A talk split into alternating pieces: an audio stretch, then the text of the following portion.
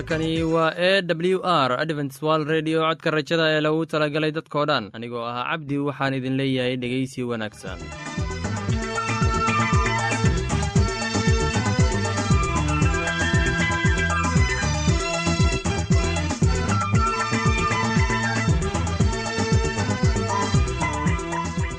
barnaamijyadeena maanta waa laba qaybood. Qaybta kuwaad waxaad ku maqli doontaan barnaamijka nolosha qoyska. Kadib waxaa inoo raaci doonaa cashar inaga yimid bugga nolosha. Dhegeystayaasheenna qiimaha iyo qadarinta mudano waxaan filayaa inaad si habboon u dhegeysan doontaan. Haddaba haddii aad qabto wax su'aal ama talo iyo tusaale oo ku saabsan barnaamijyadeena maanta fadlan inala soo xiriir. Dib ayaynu kaga sheegi doonaa ciwaanka yagu balse intaynan u guuda gelin barnaamijyadeena xiisaa leh. Waxaad marka hore ku soo dhowaataan. Heestan daabacsan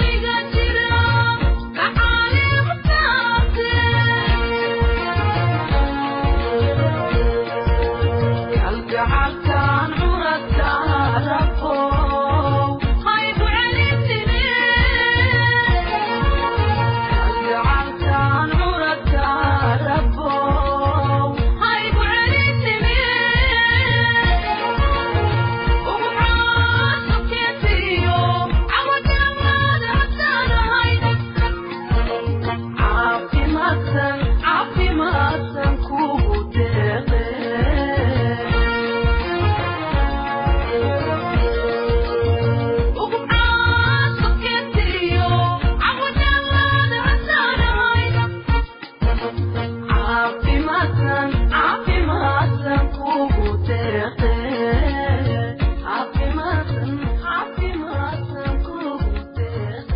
waxaan filayaa in aad ka faa'iidaysateen heestaasi. Devilment comes from within. Ciisaa ka jawaabay eedayntii ku saabsanayd xeerka. Markaas waxaa yeruusaalem ciise ugu yimid niman farrisiin iyo culimmo ah oo waxay ku yidhaahdeen xirtaadu maxay xeerka waayeelada uga gudbaan? Waayo ma faraxashaan. Maxaad amarkii ilaah uga gudubteen xeerkiinna iyo hooyada maamuus oo keen aabbihiin ama hooyadii caayaa dhimasho ha ku dhammaado.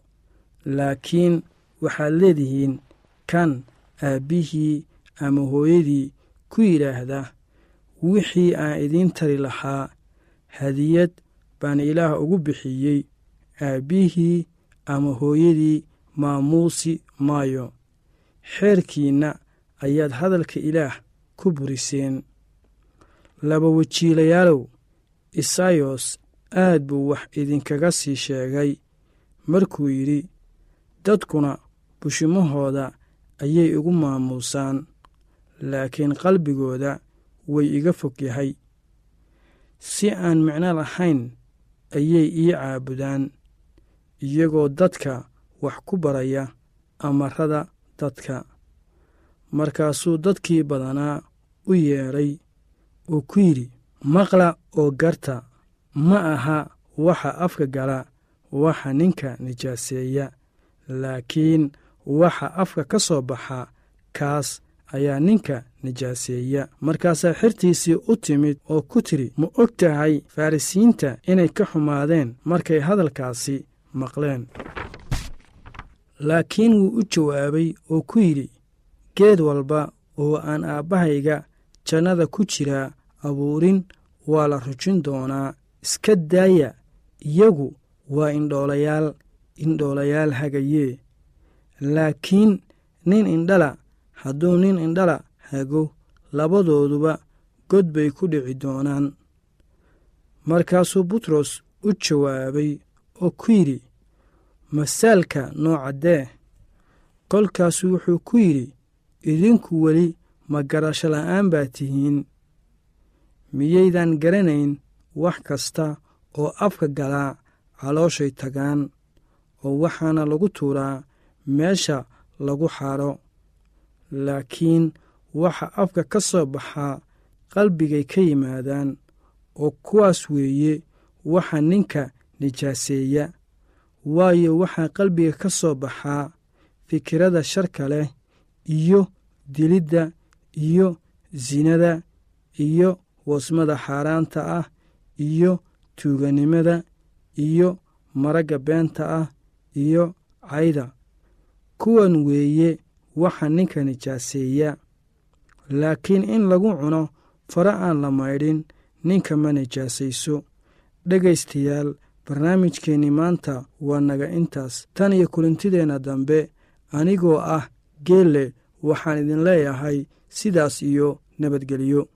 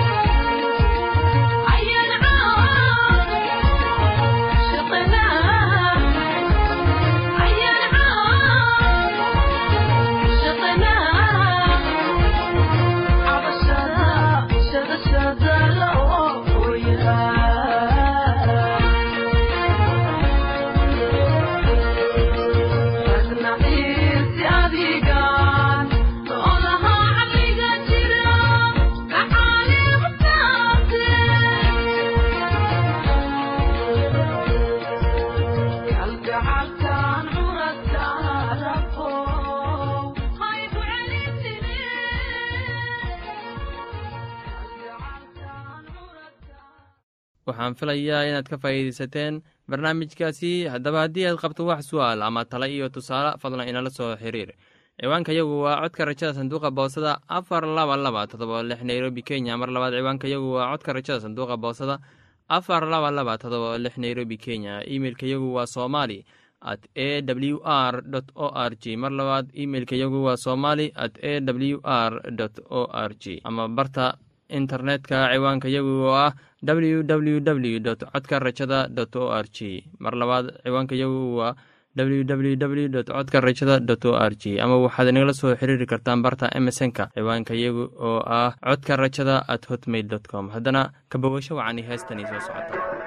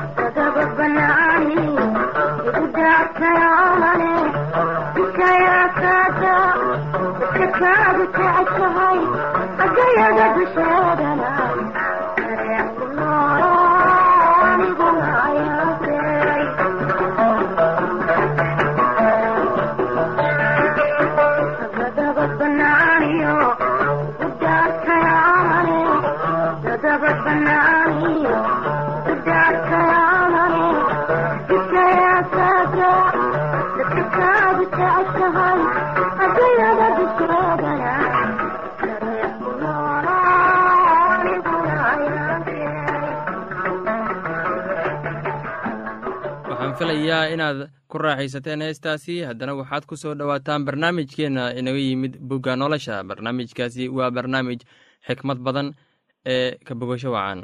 Oo ilaah wuxuu yidhi waa tan calaamaddii axdiga aan idinla dhiganayo idinka iyo uun kasta oo nool oo idinla jooga tan iyo qarni kasta. Waxaan qaansadayda ku dhex dhigay daruurta waxayna noqon doontaa calaamaddii axdiga dhex yaal aniga iyo dhulka. Waxaana dhici doontaa markii aan dhulka daruur dul keeno in qaansada lagu arki doono daruurta dhexdeeda oo waxaan xusuusan doonaa axdigayga ina dhex yaal aniga iyo idinka iyo uun kasta oo nool oo jidh kasta leh biyuhuna dib dambe ma noqon doonaan daad baabi'iya inta jidh leh oo dhan. Qaansaduna waxay ku dhex jiri doontaa daruurta anna waan fiirin doonaa iyada inaan xusuusto axdiga weligiis dhex yaal ilaah iyo uun kasta oo nool oo jidh kasta leh oo dhulka jooga. Oo ilaah wuxuu nuux ku yidhi tan waa calaamaddii axdiga aan ku adkeeyey inta jidhka leh oo dhulka joogta. Oo wiilashii nuux oo doonida ka soo baxay waxay ahaayeen sheem iyo xam iyo yaafeed xaamna waa kancaan aabbihiis saddexduna waxay ahaayeen wiilashii nuux oo iyagii farcankoodii baa dhulka oo dhan ku fiday. Nuuxna wuxuu bilaabay inuu beerey noqdo oo wuxuu beertay canab. Kolkaasuu wax ka cabay qamrigeedii wuuna saqraamay oo teendhadiisii dhexdiisa ayuu ku qaawanaa. Oo xam oo ahaa kancaan aabbihiis ayaa arkay qaawanaantii aabbihiis. Kolkaasuu u sheegay labadii walaalihiis ahayd oo dibadda joogta kolkaasaa sheem iyo yaafeed dhar qaadeen oo labadoodu garbahay saareen oo dib dib u socdeen kolkaasay qaawanaantii aabbahood ku dadeen oo wejiyadooduna way sii jeedeen. Mana ay arkin qaawanaantii aabbahood. Nuuxna qamrigiisii wuu ka soo miyirsaday wuuna ogaaday wixii wiilkiisu yaru ku sameeyey kolkaasuu yidhi inkaaru ha ku dhacdo kancaan. Addoonkii addoommadu u noqon doonaa walaalihiis. Oo wuxuu yidhi ammaanu ha ahaato rabbiga ah ilaaha sheem kancaanna addoon ha u noqdo. Ilaah ha fidiyo yaafeed. Hana dego teendhooyinka sheem kancaanna addoon ha u noqdo isaga nuuxna daadka kadib wuxuu sii noolaa saddex boqol iyo konton sannadood. Wakhtigii nuux noolaa oo dhammu waxay ahaayeen sagaal boqol iyo konton sadood sannadood dabadeedna wuu dhintay. Haddaba kuwanu waa farcankii wiilashii nuux kuwaas oo ahaa sheem xam iyo yeefeed iyo wiilal baa u dhashay iyagii dadkii dabadiis. Wiilashii yaafeed waxay ahaayeen gomer iyo maajuuj iyo maadey iyo yawaan iyo tubal iyo meshek iyo tiras wiilashii gomerna waxay ahaayeen ashkenes iyo rifaat iyo tagarmad. Wiilashii yawaana waxay ahaayeen elishah iyo tarshiish iyo takiim iyo dodanim kuwaasay gasiiradihii quruumaha ugu kala qaybsameen wadamadoodii dad kasta sidii afkoodii iyo qabiilooyinkoodii iyo quruumahoodii ay ahaayeen. Wiilashii xaamna waxay ahaayeen kuush iyo misrayim iyo fuud iyo kancaan wiilashii kuushna waxay ahaayeen seba iyo xawila iyo sabtah iyo racmah iyo sebteka. Wiilashii ramcaana waxay ahaayeen sheba iyo dedan. Kuushna wuxuu dhalay nimrood wuxuuna bilaabay inuu noqdo mid dhulka xoog weyn ku leh. Wuxuu ahaa ugaarsade ku xoog weyn rabbiga hortiisa taas daraaddeed waxaa la yidhaahdaa sidii nimrood ugaarsade xoog weyn rabbiga hortiisa ku noqo. Bilowgii boqortooyadiisu waxay ahayd baabel iyo ereg iyo akaad iyo kanleh waxayna ku yiileen waddankii shincaar. Dhulkaas wuu ka tegey oo wuxuu galay ashuur wuxuuna dhisay ninewe iyo rexbood iyo kala iyo resen oo u dhashay nehwe iyo kala. Taasuna waxay tahay magaalada weyn.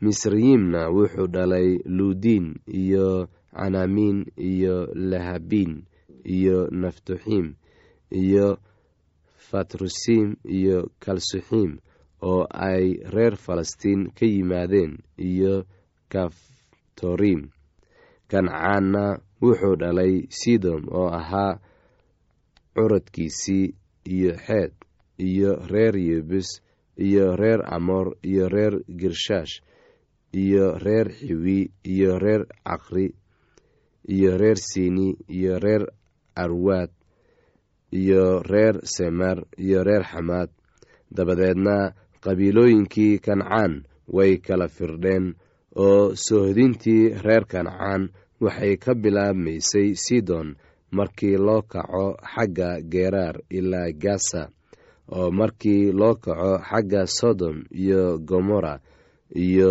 adna iyo siboyin ilaa laashac kuwanu waxay ahaayeen wiilashii xam sidii qabiilooyinkoodii iyo afafkoodii iyo waddamadoodii iyo qurumahoodii ay ahaayeen heestaasi iyo casharka buugga nolosha ayaanu ku soo gabgabayneynaa barnaamijyadeena maanta. Halkaad inaga dhegeysanaysaan waa laanta afka soomaaliga ee codka rajada ee lagu talagelay dadkao dhan.